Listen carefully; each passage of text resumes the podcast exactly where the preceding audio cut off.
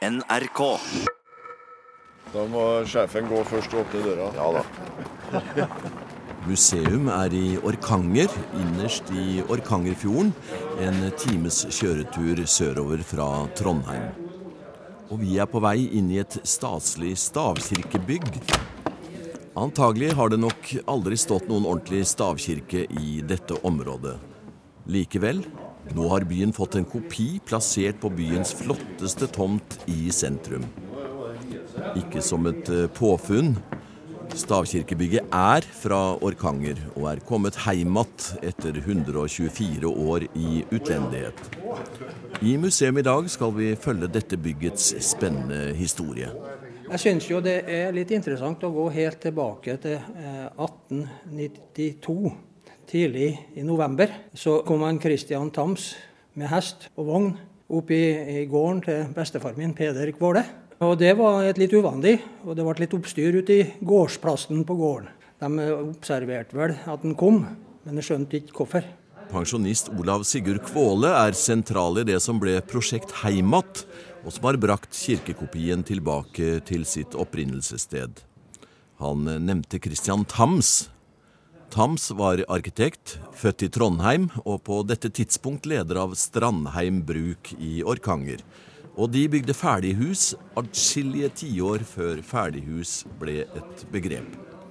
Og nå hadde den unge Tams altså et ærende hos bestefaren til Kvåle. Men han hadde en svær dokumentrull under armen. Eh, bang, og gikk ut i, inn i gangen på Trønderlåna og banka kraftig på, på kjøkkendøra. Og da svarte han Peder Kvåle han var på plass på kjøkkenet. Og han, Christian Tams kom inn og rulla ut den der dokumentrullen på, på gulvet. Og det var tegning av drageportalen for The Norway Building. For han har fått bestilling da på, på den eh, fra den norske stat tidlig i november. Den skulle produseres i løpet av tre måneder. Så han lurte på om han Peder kunne tenke seg å skjøre den drageportalen. For han, han, han har gått kurs da, hos sognekarene lokalt her i Orkdalen og lærte å skjøre orkdalsskap. Så det, det, kunne han, jo, men Jeg vet ikke hvorfor han kom til en bestefar en Peder, da, men han har vel hørt at han var bra til å skjøre, vil jeg tro. Men han Peder han godtok ikke uten videre, eller ville ikke svare med en gang på om han kunne gjøre det. der. Men de la seg ned i gulvet, to karene. da. Han Kristian var 25 år, han Peder var 20. Og lå og studerte disse tegningene. Så sa han til slutt han Peder at ja, jeg skal skjøre den her. Og da starta vel det egentlig det hele, da. Det her visste jo ikke jeg noe om før i 1970. Da fikk jeg et bilde av paviljongen av onkel Anders Bekkvåle som var sønnen til Peder. Og Der sto historien om at uh, han bestefar har skjæret portalen, og at den bygningen var produsert på Stranden bruk. Og at den sto da hos tyggegummikongen Vrigli i Amerika, i Wisconsin. Har eh, har det vært kunnskap om, om dette prosjektet levende i, i, området her hele tiden? Ja, det må vi jo si at det har vært. For eh, Vi nevnte jo han Emil Karlsen, som skrev veldig mye Tams-historie i lokalpressen her. Han skrev ganske mye om det her, bl.a. Og, og den eh, Tams-bedriften her, det var den som la grunnlaget for Orkanger som industrisamfunn. Ja. Så historien til Tams-historien har vært godt kjent hele tida. Og han eksporterte jo ikke bare hus til akkurat dette her, han eksporterte jo over hele verden. Det finnes jo Tamshus eh, fantes i alle verdensdeler.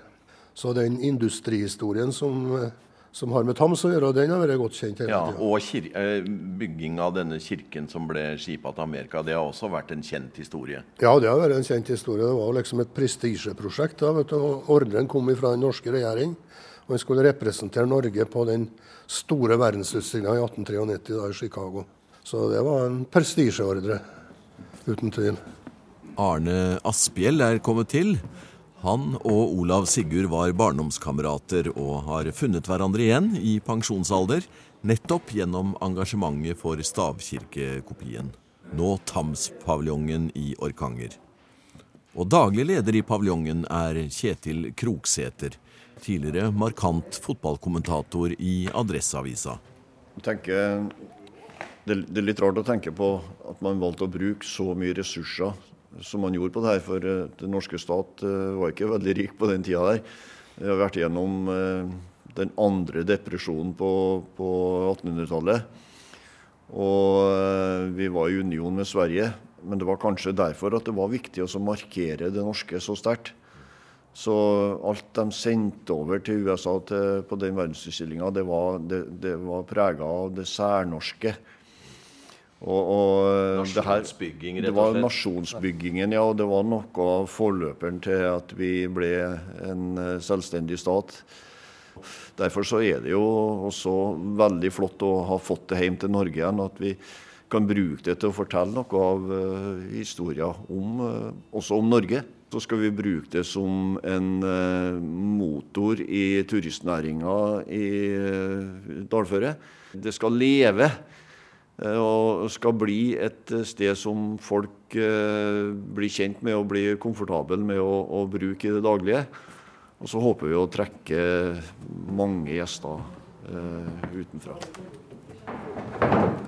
Hør at vi surkler kaffe. Ja. Her er vi i kaffehjørnet i har vi Den flotte stavkirken. Flott, eh, veldig fint, altså. Og det lukter stavkirke her. Ja, det, det er jo eh, linoljebehandla innvendig, da. Og tjærebehandling. Og nå skal vi altså ned til uh... Nå skal vi til, til Strandheim, da, der uh, Strandheim bruk lå. og det, Den bygningen ble produsert.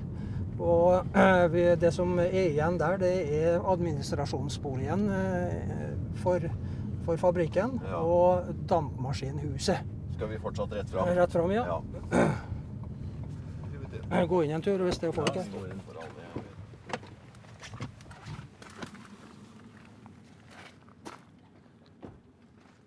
Hvor er brygga og sånn hvor det blir skipa ut ennå? Det er rett her nede, ja. Borte. ja. Selve, selve ferdighusfabrikken Ja, er, du har er igjen, ikke jeg vet ikke om det der er fra den eh, tida, den brygga der. Ja. Ja, brygga er vel det, ja. Ja, det, så det lå det jo brygga utover her, Ja. men eh, det er borte for lengst. Men det er borte med en hel masse bygninger her, da. Verden. Det er helt enormt. Liksom et maskinrom for hele anlegget. Ja, det er det. Her er det fortsatt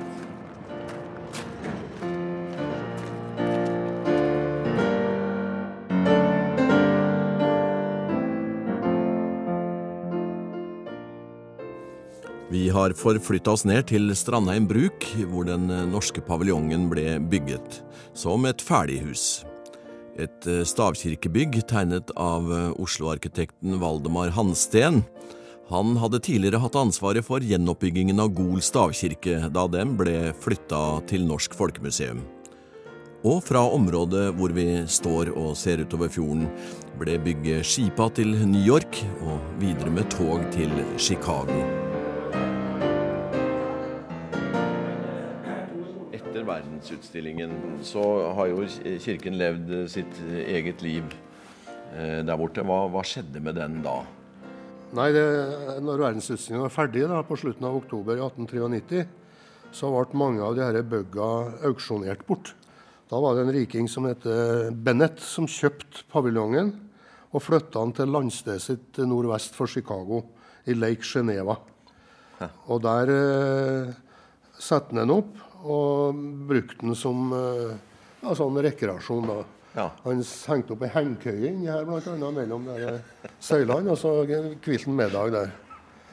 Og han eh, flytta til California etter noen få år, og da solgte han eh, hele landstedet sitt til en annen riking som heter Mitchell. Og han òg brukte den da noen få år, så døde han. Og han solgte videre igjen til en William Wrigley, tyggegummikongen. Ja. Og tyggegummikongen han var veldig ivrig smalfilmer. Så han tok eh, og flytta den her Det var en vegg innvendig her. Der eh, paviljongen var delt. Utstillingslokalet der. Og en sånn eh, office-del, altså et kontordel her, der de skrev kontrakter osv. sikkert.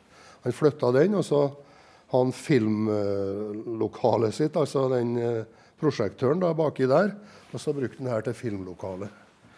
Og der sto han da til 1935. Da var det at han Isak Dale, han gamleonkelen til en vinner som vi kjøpte paviljongen av, ja.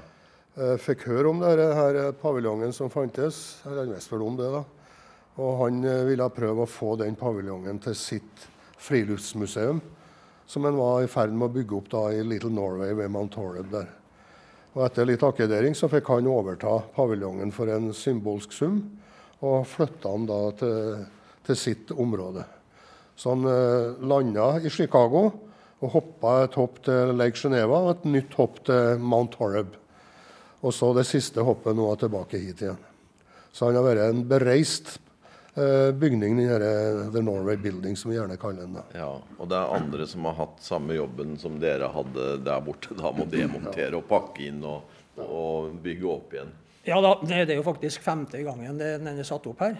Eh, vi tok med en plakat fra Little Norway der det sto at den var, det var fjerde gangen den var satt opp. da. Og det var fjerde og siste gang, sto det på den plakaten. Så må vi modifisere den litt. Ja, det, det står jo det historieskrivet som følger paviljongen, at den kom til sin endelige plassering på Little Norway. Nå får vi jo tro at den er kommet til sin endelige plassering. Ja. Og det er vel få stavkirker som har eh, vært to ganger over eh, Atlanteren. Jeg tror kanskje det, det er få bygninger som er så utreist som, som den her. Ja, se her har du kartet på Her er Chicago, den Ja. ja. båten på Michigansjøen her. Ja. Og så får han opp til Lake Geneva der. ja. Så et nytt hopp eh, bort til Mount Horneberg. Og så tilbake igjen over Atlanteren, da. Så det er en veldig bereist bygning. Og det sies da at det var med eh, Her er Dere har bilder av de forskjellige Ja. stedene hvor han har vært, ja? Her er en, Det er eh, jo interessant. Der, der står han på Chicago-utstillinga. Ja. Han har en veldig fin plassering der, da. Her er jo hele området Jackson Park. Ja. Ble bygd om til utstillingsområde. Og her står den norske paviljongen helt oppi der. Ja. Så han er jo veldig liten da, i forhold til The Manufacturers Building, som, som var veldig svær, og The Electrical Building, som eh, Ja. Har alle de elektriske maskinene osv. Men eh, det som òg er interessant, er at her er en av de veldig få bygninger som har overlevd eh, Chicago-utstillinga. Og veldig mange flotte bygninger der. Ja. De kalte det White City, Ja. for det var sånne hvite murbygninger, da, mye av det. Og den her skilte seg ut med at den var en trebygning i, i litt eventyrstil, som vi snakka om her. Så her er det Electrical Building. Det som også er litt interessant, er at Nikola Tesla, som har blitt en kjent mann etter hvert gjennom Tesla-bilen, han var et elektrisk geni. Og han eh, var det store eh, kongen på en måte på utstillinga når det gjaldt teknologi. For han representerte Westinghouse, og de eh, lyste opp med elektrisk lys da hele utstillinga var nettopp eh, borte elektrisk lys. Så det var spennende. Og det er litt interessant å tenke på da, at han Christian Tams, som var vår industrialist, han var jo flere måneder i Chicago og var med på det her. At kanskje han traff Nikola Tesla og snakka med han. I hvert fall så lærte han mye om elektrisitet, han Christian når var på den utstillinga. Så like etter han kom hjem, så setter han i gang med Tamsandbanen, Ja. som er Norges, eller verdens eldste elektriske bane. Og han bygde et kraftverk i dalføret rett bortom her. Og fikk strøm til banen osv. Så, videre. så det er ikke noe tvil om at eh, mye av det industrielle grunnlaget for Orkanger også ble plukka opp i Chicago i 1893. Ja, for en kan lure på hva slags historie dette bygget representerer og, og forteller. Det er jo på en måte lokalhistorie for dere. Men eh, det er jo industrihistorie, Det er det absolutt. eh, ikke minst. Det var, eh, Hvordan ser dere på det sjøl? Hva, hva, hva innebærer dette prosjektet sånn det er to, tosidig. da. Det ene er jo bygningshistorie, stavkirke, og at det er den første stavkirkekopien som er laga i nyere tid, og som er et praktbyggverk. Men samtidig så er det også industrihistorie, for det her var jo en ferdighusfabrikk. Kanskje verdens, eller en av de aller første ferdighusfabrikkene i, i verden, som eksporterte ferdighus over hele verden. Så det er òg et viktig element i dalførets industrihistorie, denne bygningen, i tillegg til at den er bygningshistorisk spesiell. Da.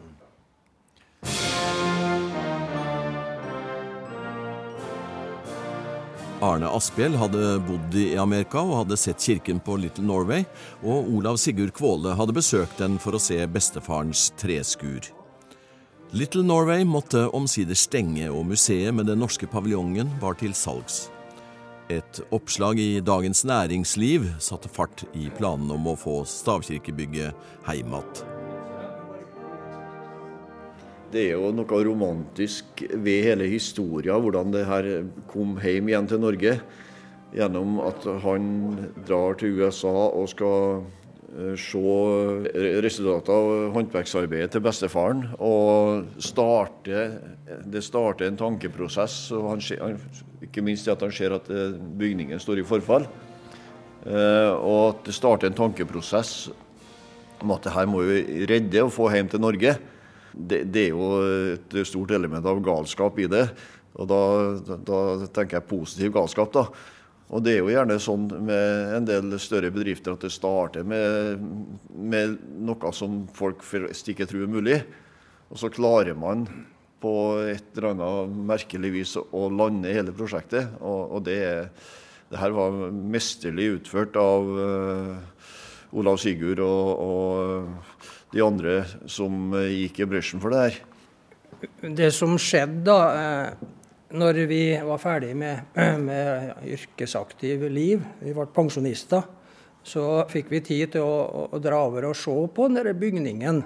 Ja, Men var tanken allerede så da om at dere ville ha den tilbake? Nei, nei det, det var ikke noe tanke om, for, for det, den sto jo veldig bra der. Det var flott. Den var brukt. Det var i Innvandrermuseum. Helt supert. Så vi, vi, trodde jo det var sånn da vi dro av gårde og skulle se. Men så viste det seg jo at den, den, var jo nedlagt for to år siden, da vi kom dit i 2014. Men det kom vi inn eh, ved hjelp av forskjellige kontakter. Og da vi kom inn, så, så det var det var litt, veldig spesielt. da. Jeg gikk opp mot bygningen og, og, og så den sto veldig flott der. i som jeg sier, det Høstsola var i 6.9. på gibberstaden til eieren da, borti der Scott Winner.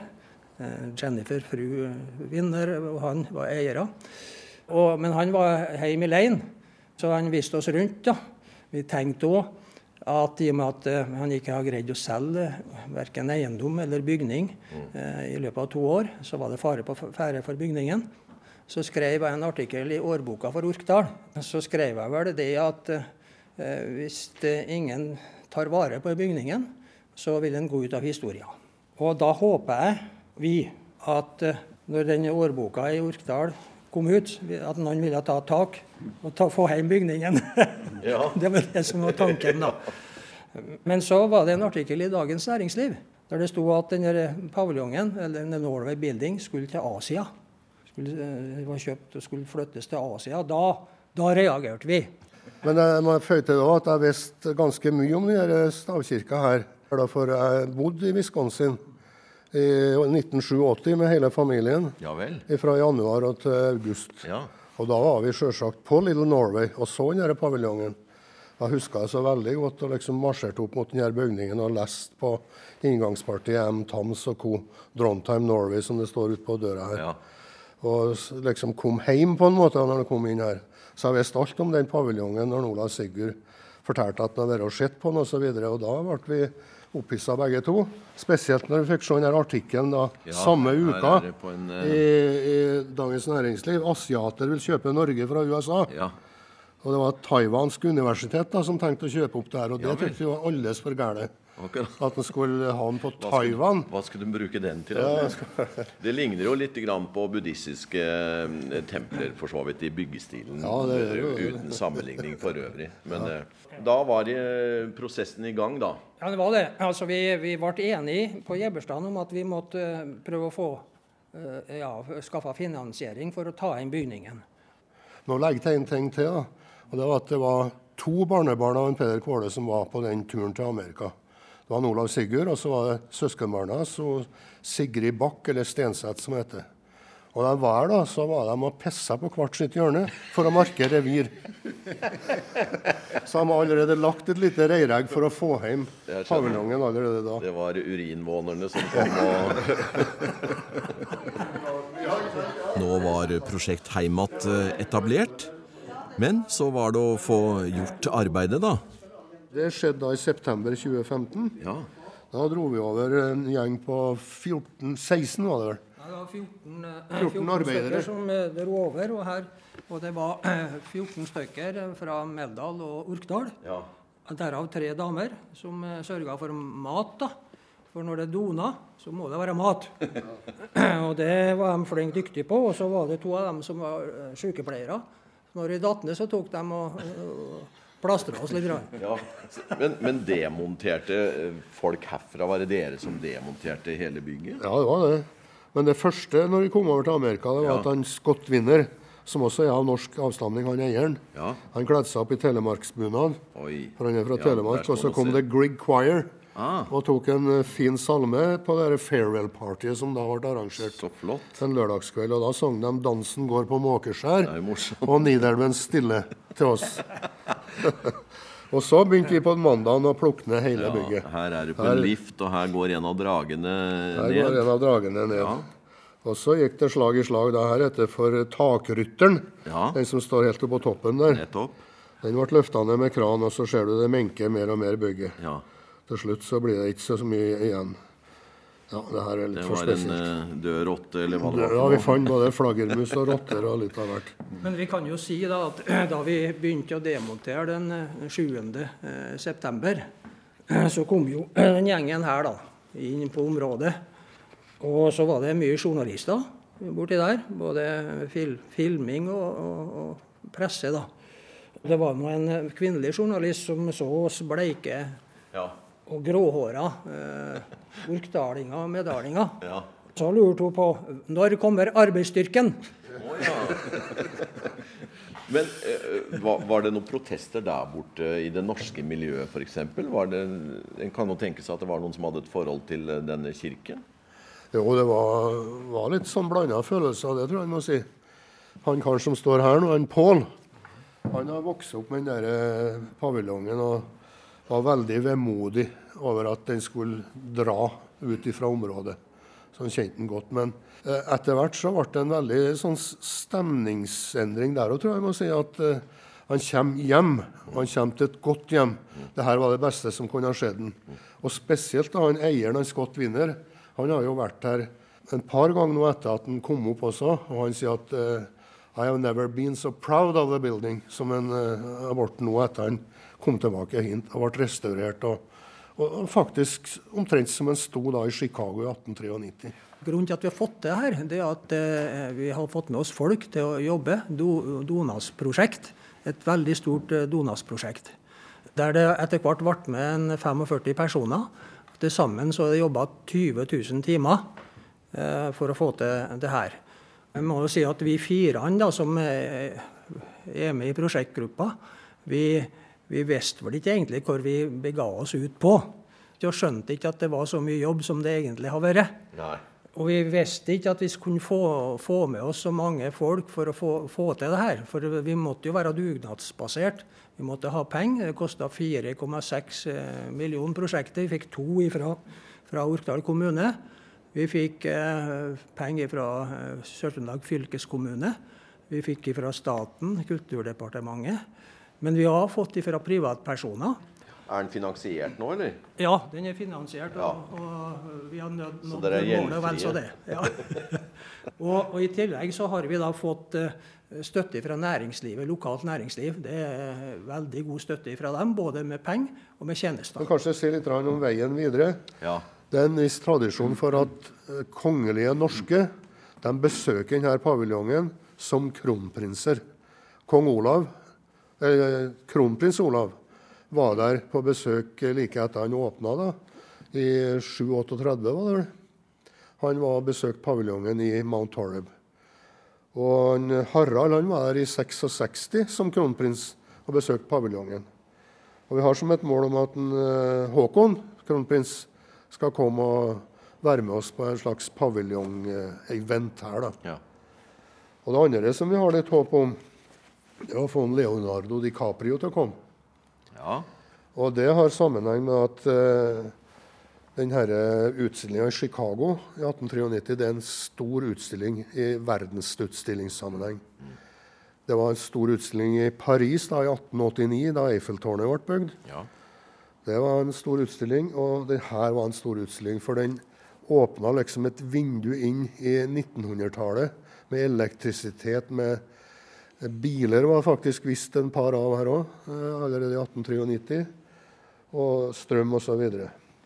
Men det som òg var med den utstillinga, var at det var en 'devil in the White City', som de kalte det. De kalte det The White City, for det var så mye hvite, flotte bygninger. Og det var ei bestselgerbok som ble skrevet her på 2000-tallet som heter 'Devil in the White City'. For det var en morder som uh, opererte nokså kraftig i forbindelse med utstillingen. Han bygde et hotell der han lokka inn unge damer som han tok livet av. Og det skal filmatiseres. Sånn Leonardo DiCaprio og Martin Scorsese de har filmrettighetene til dette. Du. Og i og med at dette er faktisk en av de få bygningene som er intakt fra verdensutstillinga, i hvert fall både utvendig og innvendig, så har vi et håp om at vi skal få lokka dem hit og lage noen scener til den filmen her på Orkanger. Så da får vi fin reklame for uh, paviljongen når Leonardo kommer, tenker jeg.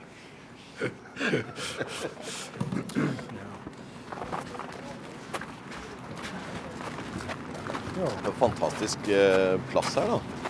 Ja, jeg ble gode suverent der. Vi var så mye diskusjon. Der. Ja, jeg skjønte at det har vært... Vi ha det nede på Tamsand, der det huset her ble bygd opp i sin tid. Da. Ja. Men vi ville at det skulle vises. Der hadde det blitt bortgjemt.